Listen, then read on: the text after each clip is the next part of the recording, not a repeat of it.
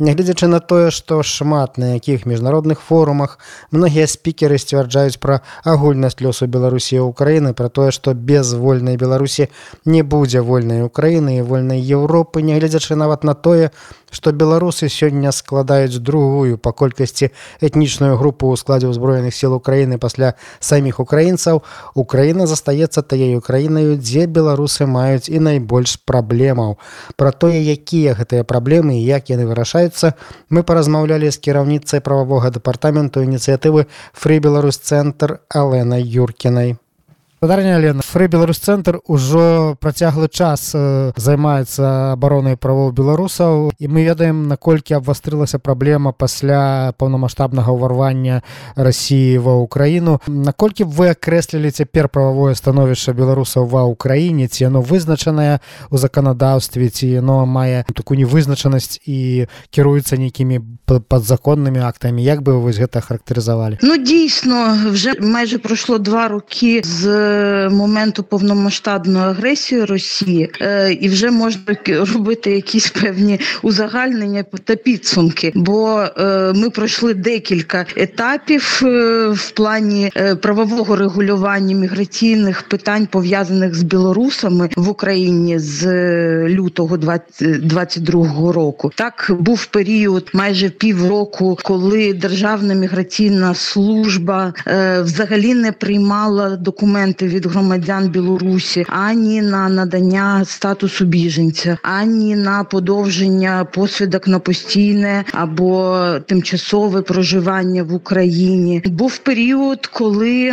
е, Державна міграційна служба навіть штрафувала е, громадян Білорусі, які посвідки яких закінчилися після 24 лютого 2022 року. Однак такою проміжною перемогою було прийняття змін законодавчих у міграційні питання, і що що дозволили громадянам Білорусі, які легально проживали до 24 лютого в Україні, користуватись посвідками на на тимчасове проживання, навіть коли термін їх дії закінчився, тобто законодавець продовжив термін дії таких посвідок на весь період військового стану в Україні, і навіть там надано термін після закінчення цього статусу надзвичайного в Україні. Ну і наступний період, ніби здавалося, що вже трошки легше, бо почали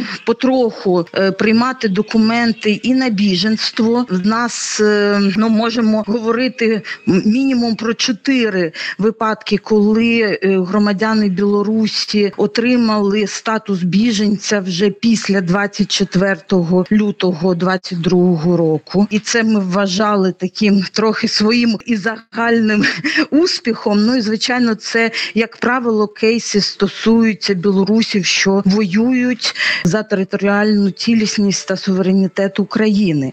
Також як нам здавалось, трохи покращила ситуація щодо подачі документів документів на тимчасові посвідки на проживання за різних підстав, і це було добре. Однак, як грім.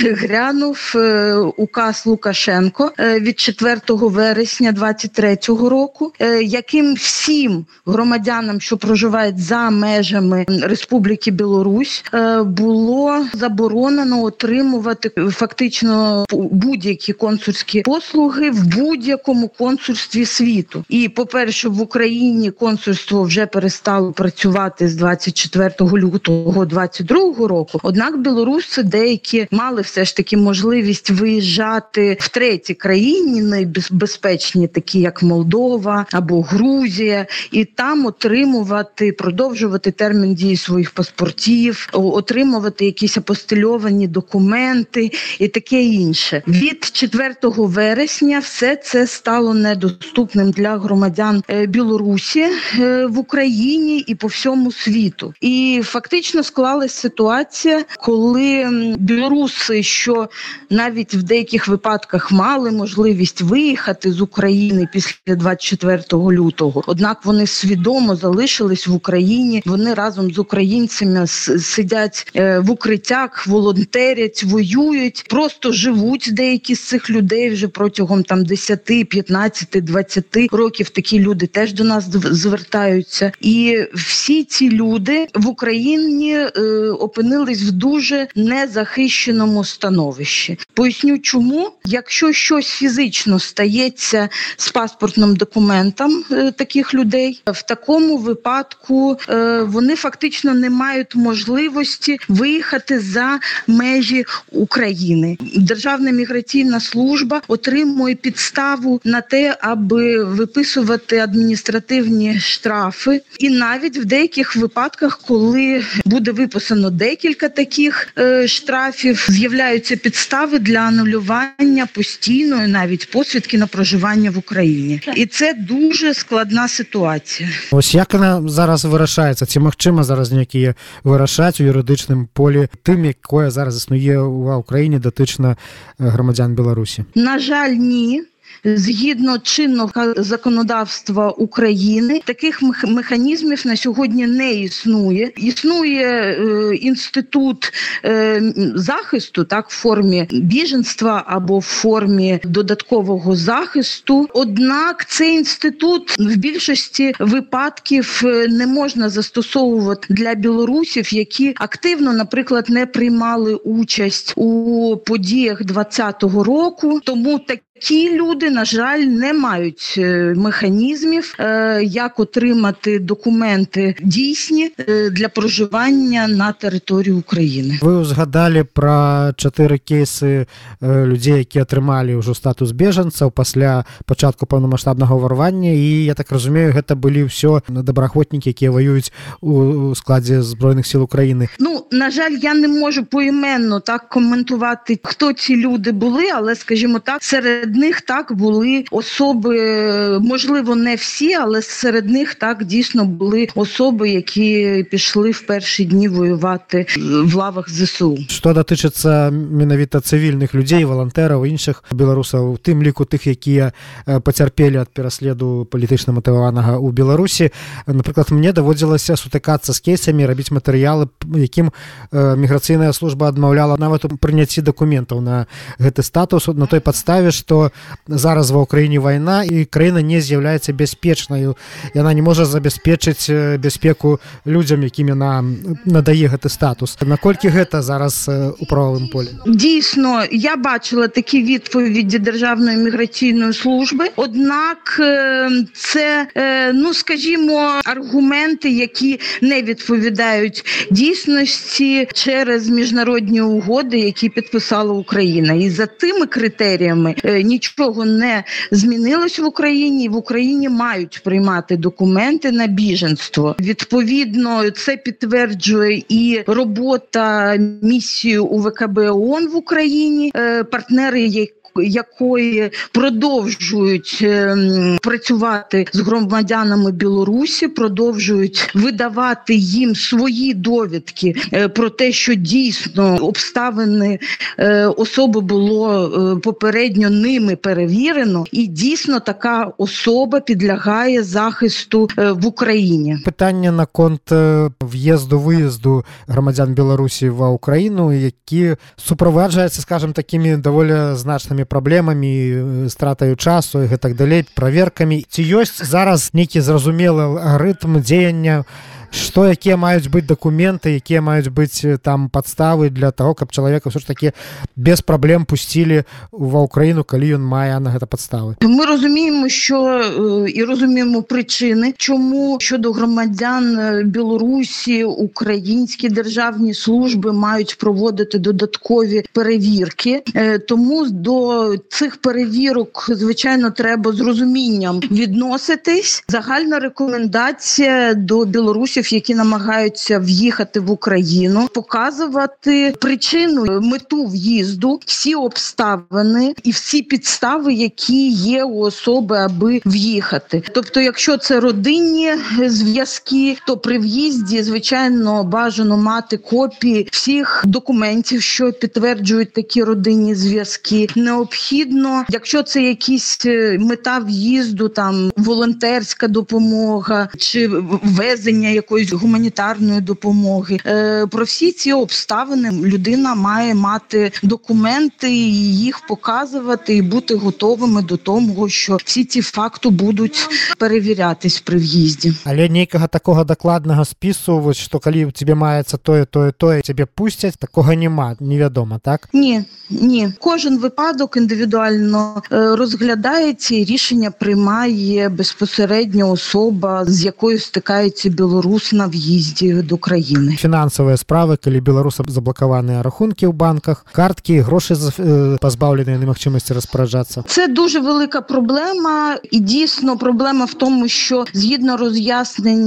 Міністерства е, фінансів, е, на жаль, особи, які тим е, проживають в Україні, навіть легально на підставі тимчасової посвідки на проживання, всі вони чомусь не е, згідно цих роз'яснень не є резидентами України. Тобто в цих роз'ясненнях міститься, що резидентами Україна вважає лише білорусів, які проживають з постійними посвідками на проживання або мають статус міжна- міжнародного захисту саме в Україні. У всіх інших випадках, е, на жаль, всі ці люди за загальним правилом на них е, розповсюджується постанова НБУ про обмеження операцій з Білорусію і е, з Російською Федерацією. І тому на сьогодні е, таке блокування воно залишається у ну якби у правовому полі. Так тому цю ситуацію потрібно е, змінювати. Є два механізми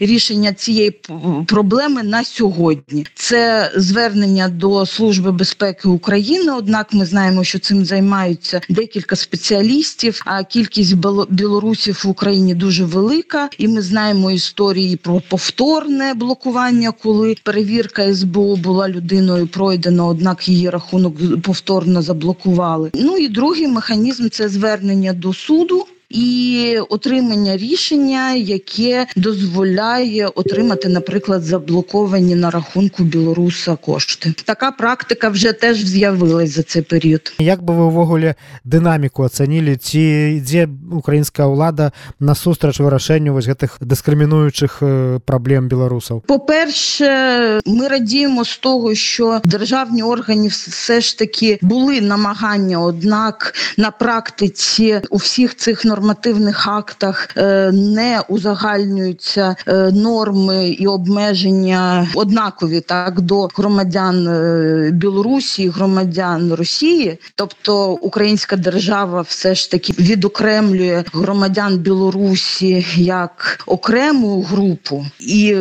норми, які застосовуються до білорусів в Україні, вони значно м'якші ніж до росіян. Це з плюсів. Однак з мінусів е, навіть громадяни Росії зараз в Україні ну мають більш захищене становище, завдячуючи тому, що в них залишається доступ до якихось консульських послуг мінімальних. А білоруси на сьогодні позбавлені таких прав, і це великий е, виклик до української держави, як е, забезпечити виконання ну елементарних дотримання принципів прав людини в Україні щодо білорусів, які живуть легально в країні. Кіраўніца прававога дэпартаменту ініцыятывы Фрі Беларус Цэнтр Алена Юркіна ацэньвала тое, як вырашаюцца праблемы беларусаў ва ўкраіне.